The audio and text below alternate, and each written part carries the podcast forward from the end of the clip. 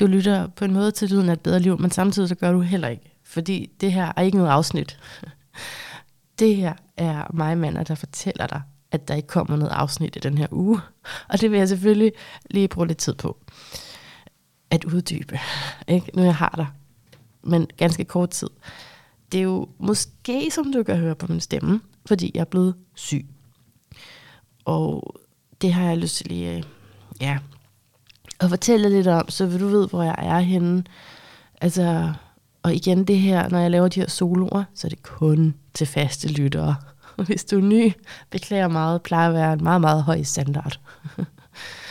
øh, og, og i øvrigt, så er der lige for nylig sket sådan en, en lidt spøjs, jeg ved ikke, om man kan sige fejl, mm, men det er nok i den kategori, hvor at min, mange af mine tidligere episoder er udkommet på forskellige platforme herunder YouTube, og jeg kan ikke ændre, at de er udkommet. Jeg tror, det var måske var det 22. november, altså men sådan her for lidt siden, hvor at det er jo nogen, der er fra 2016, 2017.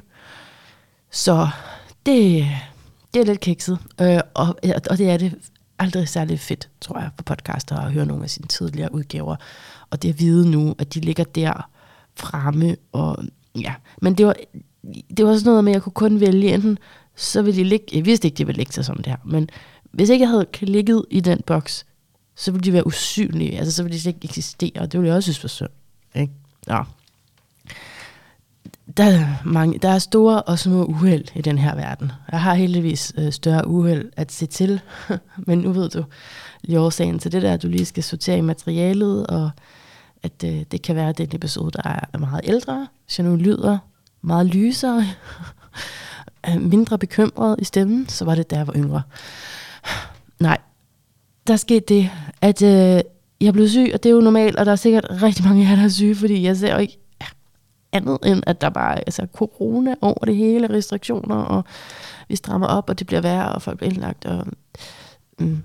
Men det her med mig, det er så noget, som du egentlig kan spore i en del af afsnittene, og jeg har fået flere søde kommentarer om det efter adskillige samtaler, hvor jeg har bragt op, at jeg har øh, de her fysiske smerter. Jeg har haft det sådan siden i sommer, og så har det sådan med nogle variation øh, så blevet væsentligt værre. Ikke? Øh, no, altså nogle dage, sådan, og altså ikke har kunne bevæge mig, og andre dage, hvor jeg sådan har glemt, at jeg har haft det, og så, så det har varieret meget indtil Uh, og jeg tænkte over det lige før, jeg tænkte, hvor længe, hvor længe er det nu? Fordi der, der er ikke noget mere irriterende end, at du skal høre sådan en talestrøm her, og så skal jeg pludselig stoppe, fordi jeg skal huske en dato, ikke? Hmm. Men så jeg blev enig med mig selv om, at det må være de sidste par uger. Men øh, en, et af de symptomer, jeg har nu, ikke?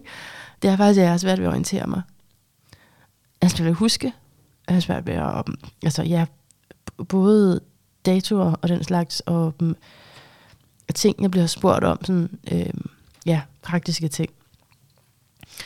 Øh, så det er, det handler jo nok om stress. Det er, ja, nej, det ved jeg også godt, at det gør. Jeg tror, at grunden til, at jeg føler, at det er svært, og det er forbundet med noget nederlag, det er fordi, jeg synes, at jeg burde have forhindret det. Altså jeg ved godt, at det er på mine egne skuldre, og det er det, fordi den måde, jeg lever mit liv på, øhm, det, det er sådan meget ved at tage tingene i opløbet.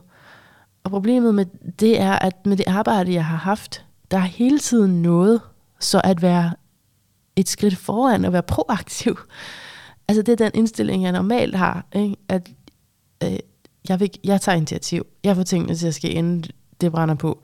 Jeg er forberedt. Men det her, det har altså, det kom jo meget hurtigt et efterslæb, og det er bare sådan, det er i det arbejde, men jeg var stadigvæk lige så sådan overvågen, og alt hvad jeg har holdt af ferie, selv der, hvor jeg var på tur med Eve, hvis du har hørt det i foråret.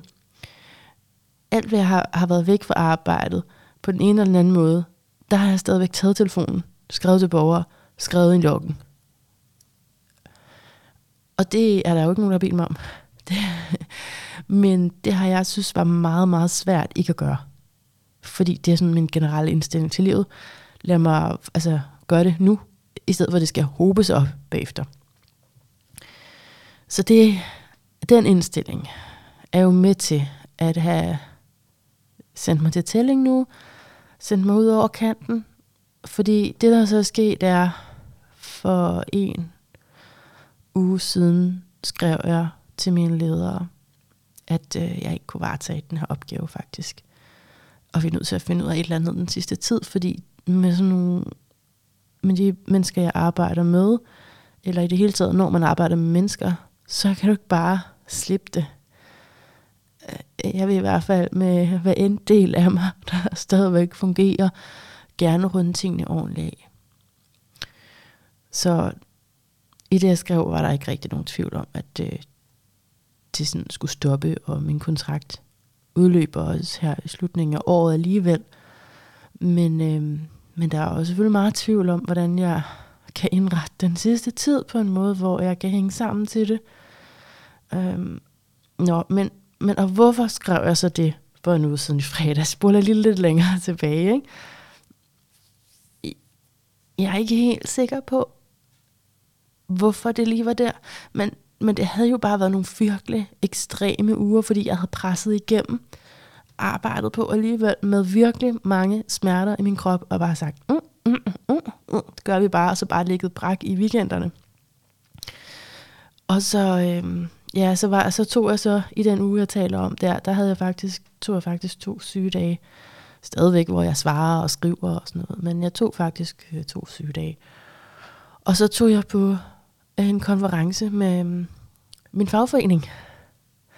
Og det var virkelig fedt, fordi jeg, det, jeg kan godt lide sådan noget, med, hvor man får en masse inspiration fra nogle, ja, nogle mennesker, der arbejder med noget andet end dig, der har stor indsigt på forskellige områder. Højere læring i virkeligheden. Jeg, så jeg synes, det var, det var enormt godt. Jeg havde min arbejdstelefon med, og der var et par kriser, og jeg gik ud undervejs og sådan. Øh, men jeg nød hele første dag. Og anden dag, så var jeg faktisk, fik jeg faktisk et chok. Og jeg tror, at grunden til, at jeg fik det chok, har at gøre med den sindstilstand, i det hele taget tilstand, jeg var i for inden.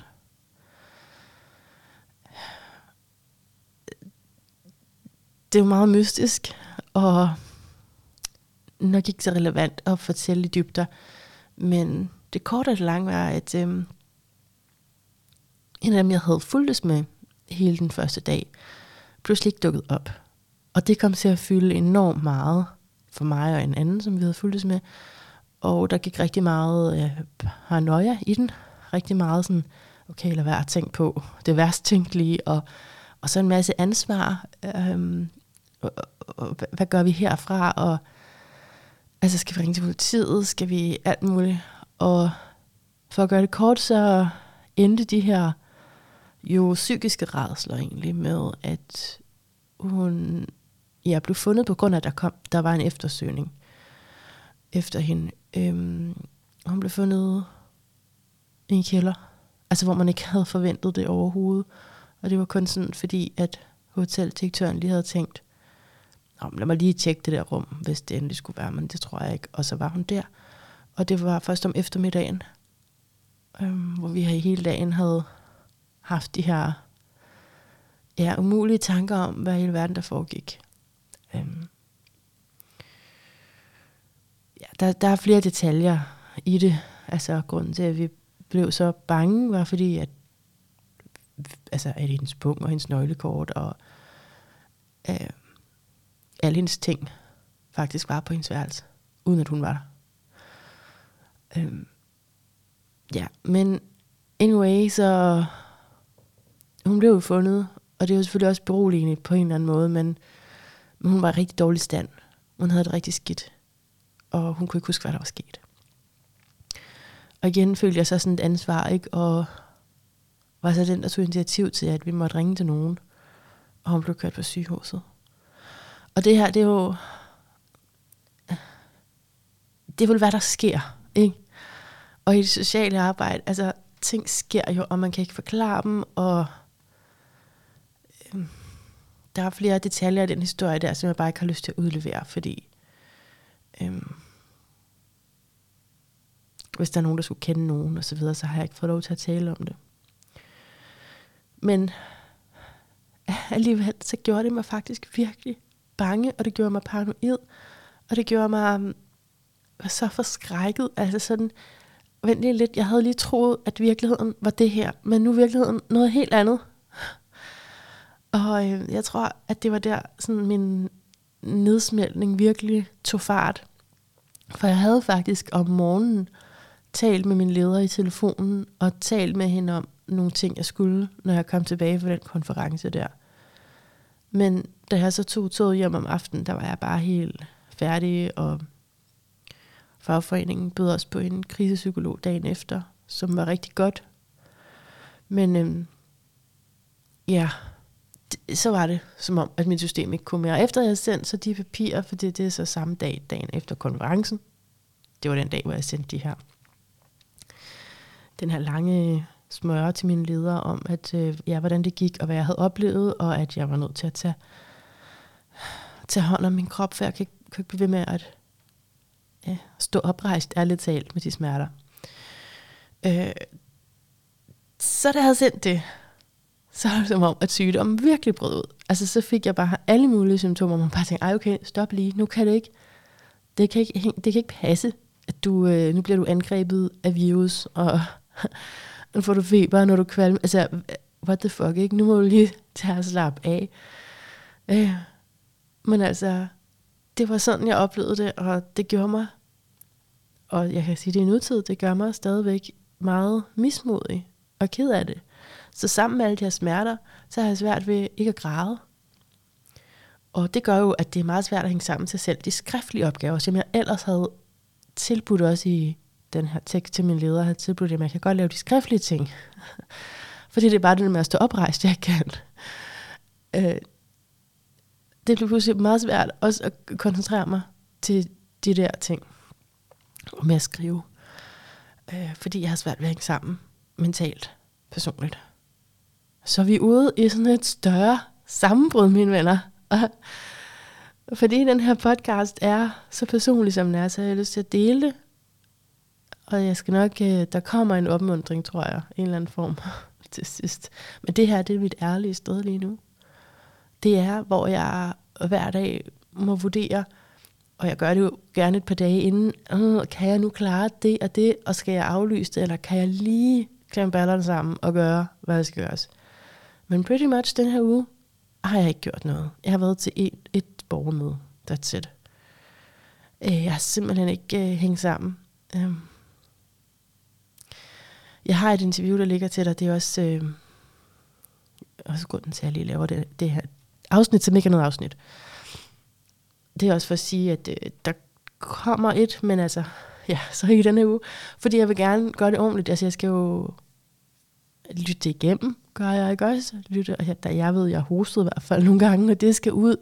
Og tit forkorter jeg også det, jeg selv siger om astrologien. Og skal en intro og en outro på, og jeg skal skrive noget. Hele det arbejde har jeg heller ikke kunnet. Altså jeg er faktisk ret imponeret over, at jeg fik sat mig hen til mikrofonen her. For jeg tænkte på flere gange, skal jeg lave sådan en her? Og så tænkte jeg, nej, det kan jeg ikke. Men altså sagen er, hvordan kan jeg træffe dig? Kære ven, hvordan kan jeg træffe dig på Instagram? Det er jo ikke sikkert, du er der, vel? Og så er det ikke sikkert, at du lige ser, hvad jeg sender ud. På nyhedsbrevet, der er du højst sandsynligt ikke, fordi der er virkelig ikke særlig mange der. Plus jeg har nogle problemer med det der nyhedsbrev. Sidste gang jeg prøvede, altså det er fordi, jeg går i gang med at skrive, ikke? Kære dig, bla bla bla bla bla bla bla ud af. Og så øh, skal jeg jo lige have en pause, jeg skal lige have noget inspiration. Så går der nogle timer, måske går der også nogle dage. Og næste gang jeg går ind til det her, det er sådan en platform, hvor man kan sende nyhedsbreve fra, ikke? så skriver jeg jo videre og gør det færdigt og trykker send. Og det, der så kommer ud, det er ingenting ud over det værste. Nemlig øh, klik her for at unsubscribe. Det var det, der kom ud sidste gang med nyhedsbrev. Og det er simpelthen fordi, at platformen der ikke har gemt det. Fordi jeg har gået, du ved, ligesom med så mange andre sites, hvor tingene udløber. Men den har, den har ikke sagt noget om. Den siger ikke noget om, at det er udløbet, så det skal man ligesom selv tænke.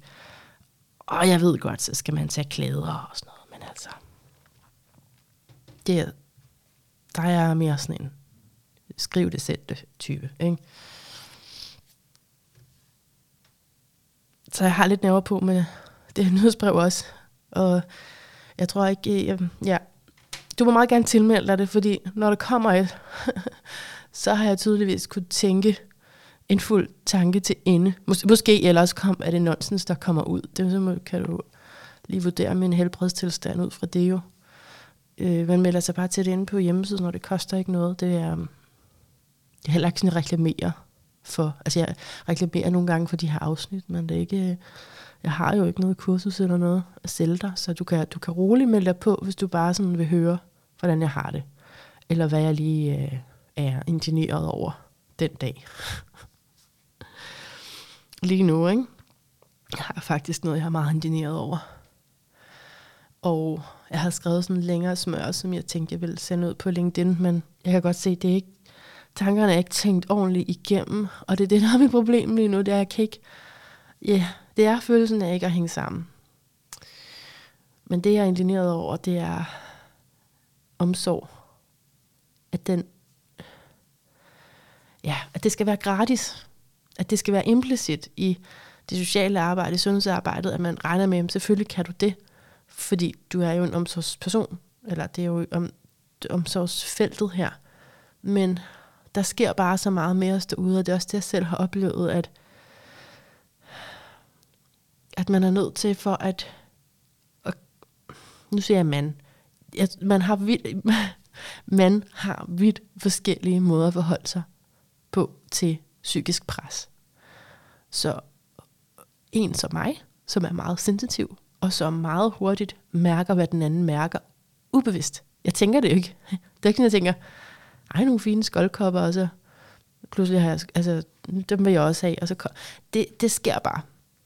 Altså, det sker på sådan et helt subtilt niveau.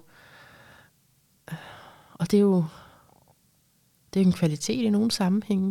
Jeg synes, det er en kvalitet, når jeg interviewer, fordi jeg, jeg, jeg har faktisk mistet tråden nu. um, nej. Jeg var ved at sige det med omsorg, at det er jo det, som jeg allerhelst vil give. Og når jeg siger omsorg, så mener jeg medfølelse, sympati. Mm, nej, måske er sympati ikke det rigtige ord, men i hvert fald medfølelse. Venlighed, ikke? altså imødekommenhed. Hvis ikke jeg kan give det til borgere, der har det svært, så er det fordi, jeg som medarbejder har det rigtig svært psykisk. Det mener jeg faktisk.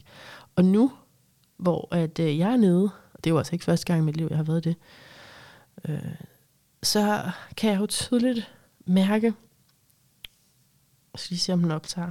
Jo, jeg tror, den optager. Ja, så kan jeg jo tydeligt mærke, hvor glad jeg bliver, for, når jeg møder venlighed. Øh, jeg har mødt det to gange. altså ikke fordi det er lidt, det er faktisk, altså det har betydet rigtig meget for mig til at græde og glæde, midt i min smerte faktisk begge gange. Øhm, men ikke engang var jeg ringet til lægen, fordi jeg skal jo så, jeg skal jo så lige undersøges for, hvad i verden er, der foregår med min krop. Og ja, der er jo så lang, der er jo så lang ventetid, og den sædvanlige læge var der ikke, og sådan noget. Men det er egentlig ret lige meget, når man har det skidt. Det, der gjorde mig så glad, det var, at hende i telefonen, hun var så sympatisk over for mig. Hun var så imødekommende, og sagde, det kunne hun sagtens forstå. Du, du, du, du, du, du, du, du. Altså, da jeg sagde, hvad det var, mit problem var. Altså, det, hun sagde ikke engang særlig meget.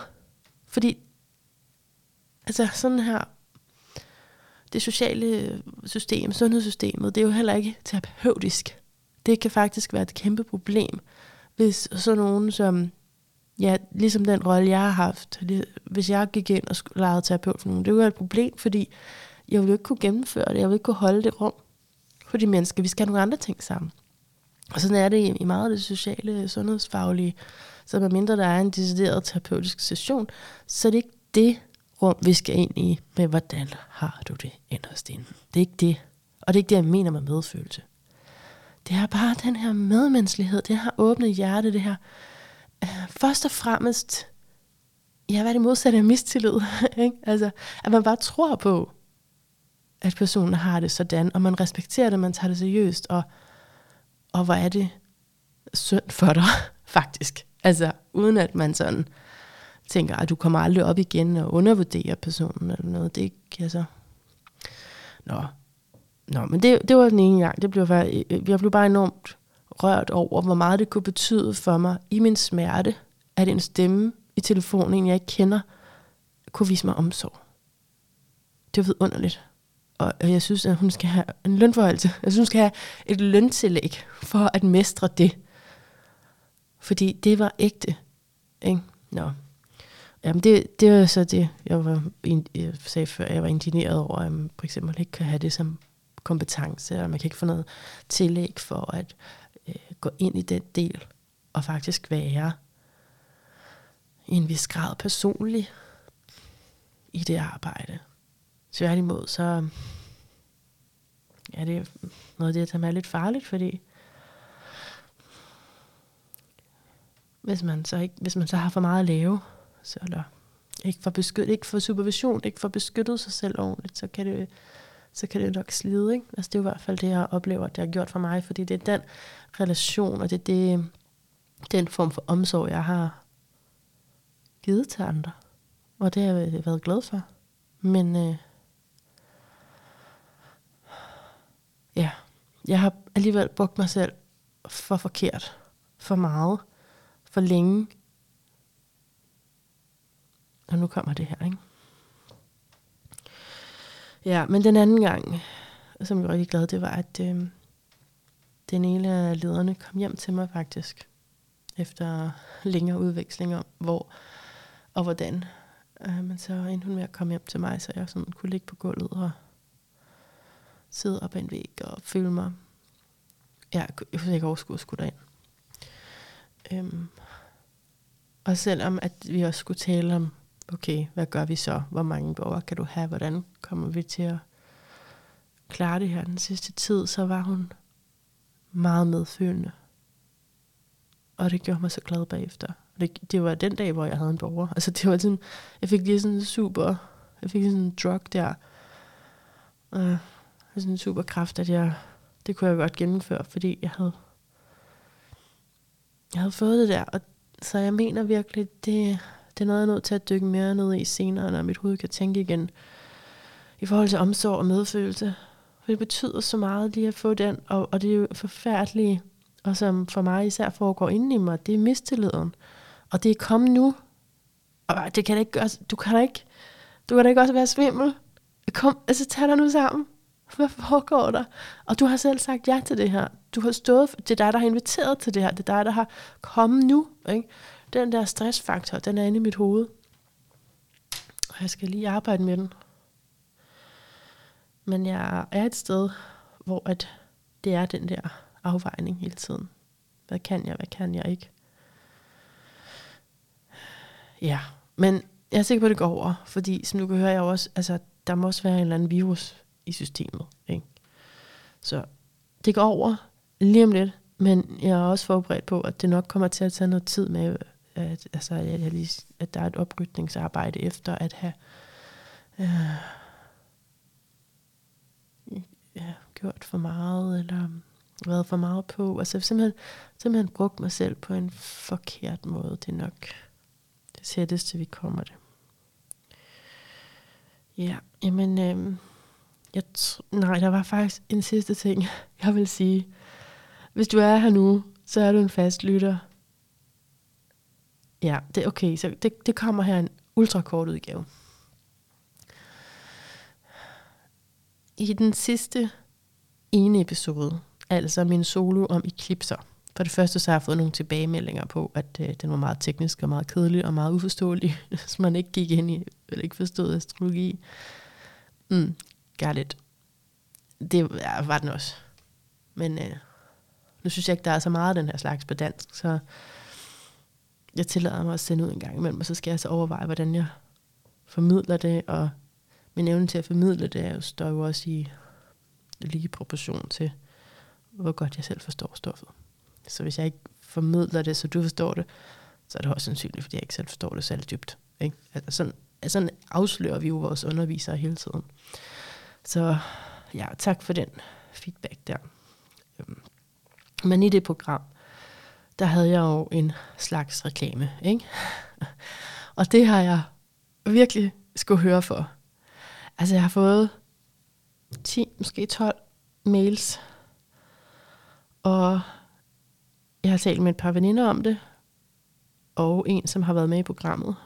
Og så har jeg fået noget, nogle DM's, hedder det vel, over på Instagram. Øhm, og det har ikke været særlig positivt. Nogle af dem har været spørgende, og andre har været decideret kritisk feedback.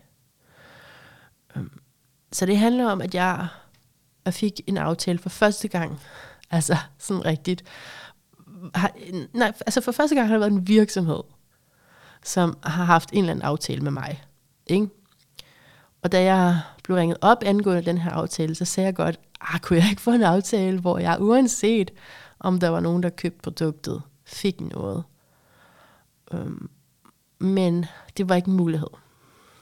Og så tænkte jeg, okay, altså lad mig prøve det, fordi de ser også mega fede ud, dem her. Altså, og det vil jeg jo love dig. Det vil jeg jo love dig, kære ven. Jeg kunne ikke, øh, kunne ikke drømme om at sætte en reklame på for noget, jeg ikke kunne føle, jeg kunne stå inden for værdimæssigt. Det er klart. Øh, så jeg synes øh, bestemt, jeg kunne stå inden for det. Det handler om smertelindring og på en naturlig måde, og, og det er det her CBD, som jeg har hørt rigtig meget om for fra øh, mennesker med kroniske smerter. Så jeg tænkte, det, altså, de kan få det billigere igennem mig. Det må da være en win-win så. De får det billigere, jeg får noget. Lad os gøre det. Men kritikken har så gået på, for det første, at det har virket uautentisk, fordi jeg selv, man kan høre den der, det er ked af, også, man kan også høre der, at jeg har været i smerte, ikke? At, og jeg siger også, at jeg ligger ned og sådan noget, ikke? Men jeg hører, at jeg er i smerte, jeg tager det selv, og det har ikke virket nu. Og det er jeg ærlig om, men jeg siger også, at det jo skal have sin tid. Øhm, men ja, det kan jeg godt føle, at der kan være noget uautentisk i det. Øhm, jeg skal lige hoste. Og så at, jeg kan faktisk ikke lige øh, finde ordene nu, jeg kan ikke huske, hvad det var. Øh, men der, det var i hvert fald, at det var ikke var autentisk, og at øh, jeg kan ikke huske kritikken lige nu. Nu skal jeg ikke finde noget på mail her, men og den her, det er jo så i forhold til en, som sådan tvivler, om hun har lyst til at være med. Altså om det, der hun kan blive associeret med på den måde som brand. Ja. Og, jo, og så er der også, jo, så er der det her med, jamen, skal vi smertelindres, eller skal man mærke smerte? Der er forskellige holdninger lige pludselig til det her. Og jeg forstår det godt, og, og jeg, jeg har også, øh, på baggrund af den feedback, jeg har fået, har jeg annulleret aftalen på den måde, at, at jeg i hvert fald ønsker mig til næste gang. Altså jeg tror stadig, man kan bruge rabatkoden, hvis du vil, fordi der er ikke nogen, der brugte den. Altså der er ingen, der er ingen af mine lyttere, der har taget imod det der tilbud. Så det er bare sådan, det fik vi ikke noget af. Okay. Og jeg ved godt, sådan aftale der, det skal man måske også køre over længere tid. Jeg skal sige det flere gange, men men altså, jeg så har jeg, grunden til, at jeg har reageret på feedbacken, er jo fordi, at det kan jeg godt mærke. Ja, jeg er med det, kan jeg, ja, det vil jeg også synes var, skulle være ubehageligt at gøre, når nu jeg selv er, hvor jeg er, og, og så giver det et pres. Ikke? Det minder mig faktisk om den sidste tid, jeg havde som yogalærer. Nu er jeg stadigvæk yogalærer, man kan godt booke mig til det, men jeg har ikke nogen faste hold. Øh, men den sidste tid, hvor jeg havde det, der bookede jeg jo yogasale selv og købte billetter, skulle jeg til at sige. Det var så omvendt. Jeg solgte ligesom billetter, ikke? Så kunne man, jeg havde lejet salen, og folk kom så, og så kunne jeg bruge de penge til at betale salen af, og så fik jeg et vist overskud.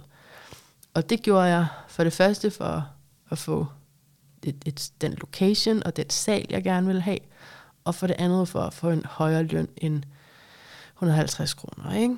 i Fitness World. 160 tror jeg, man får. Ikke? Ja. Altså, det er fucked up, at man får så lidt. Nå. Øhm, men det blev et kæmpe pres, og blev ikke til noget overskud til sidst, fordi jeg måtte aflyse, og så hang man jo så på et depositum for den her yogasal, ikke? og måtte betale folk tilbage, dem som nu havde tilmeldt sig der ene eller to, som havde tilmeldt sig et forløb, hvor der skulle have været 12. Så øh, det pres med at få nok på, det synes jeg også var rigtig stressende som yogalærer, og helt kontraintuitivt, fordi det så yogaen skal jo netop invitere til afspænding, og så når det skal være rigtig svært for arrangøren at sælge billetter, at så, det kan faktisk også gå ud over kvaliteten og energien i det. Ikke? Så det lovede jeg mig selv, at jeg ikke ville gøre igen. Og jeg føler faktisk, at hvis jeg lavede flere af den her slags sponsoraftaler, eller i hele taget også den her, den er jo ikke helt rundet af nu. Jeg tror, den er åben. Altså, jeg tror, du kan bruge den her rabatkode, ikke også? Men jeg kommer ikke til at sige det flere gange i hvert fald. Så vil det afhænge af mig. Jeg vil jo få et pres på, at du skal købe noget. Det er ligesom pyramidesalg. altså nu går jeg helt over, ikke? Men, men en lille smule. Altså, der er de der forskellige essentielle olier, ikke? Og der er nogen, der taler rigtig godt om det her ene brand, og hvor fantastisk det er. Men hvor meget kan man stole på det, fordi de får penge, hvis du køber det? Altså, det er det, der er problemet. så, kan man, så er der også noget med troværdighed, ikke? Nej, jeg, jeg, tror, jeg tror, jeg forveksler tingene nu faktisk. Pointen med det var bare, med sammenligningen der til yoga, var bare, at, at jeg har ikke brug for, at der ligger det pres på mine skuldre i forhold til at få nogen til at købe noget. Altså, det er ikke min rolle i livet. det er det ikke. Det må jomfruen tage fra mig. Altså, jeg er fisk, jeg skal ikke det der. Det, altså, kom hvis du resonerer. Jeg gider ikke, at... Øh, jeg gider ikke ind i den kamp. Og det var det, var det som altså, fik stoppet mig som selvstændig, faktisk. Den kamp der. Så hvis jeg skal være selvstændig igen, så skal jeg godt nok finde en måde at være i salgsdelen på, som ikke bliver, hvor jeg føler, der er, hmm, ja, det, det er sådan en tvingende energi. Det tror jeg, jeg skal nok i terapi over det. Om det. Åh, oh, hvad hedder det? Øhm, okay, tak fordi du lyttede med til den her sygdomscene. Jeg tror, jeg kom til at love, der var noget godt til sidst. Så lad mig, lad mig sige, hvad jeg havde tænkt, jeg skulle slutte af med, som en slags opmundring. Altså, når jeg har det sådan her,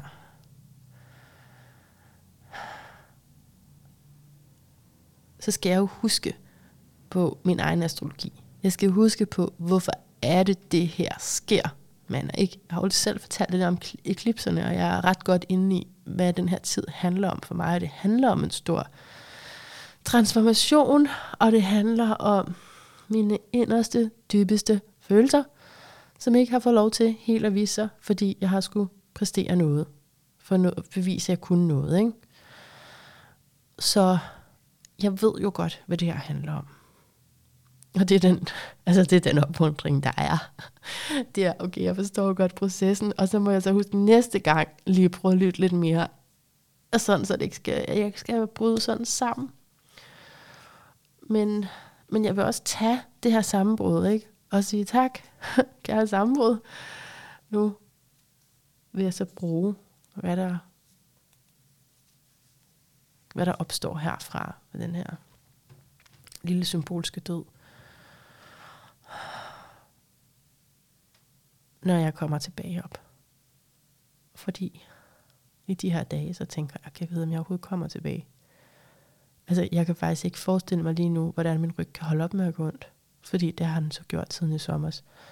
Det er jo alle de andre ting, der er kommet til, som har væltet det hele. Så ryggen, den, det er jo sådan gået i baggrunden. Men den er der hele tiden, så jeg ved ikke, om den nogensinde holder op. Så ja, du kan kalde det negative tanker, eller manglende livsmod, eller det, der, er, der er et mørke her. Ikke? Kan du huske, hvad jeg talte om med eklipsen? det, så kommer det bare som, jeg havde ikke lige håbet, at det skulle være sådan her for mig, selvom jeg godt vidste, der var nogle transformationer på vej, men, men jeg er i det her mørke nu. Så ja, jeg ved ikke, det opmuntrende det er, hvis du er et mørke, så er jeg det også. altså, og hvis du har det mega godt, så ved jeg ikke, om du har kunne holde ud og høre så langt her, men i hvert fald tak. tak for at rumme os, som ikke har det så godt det vil kunsten ikke at kunne rumme begge dele.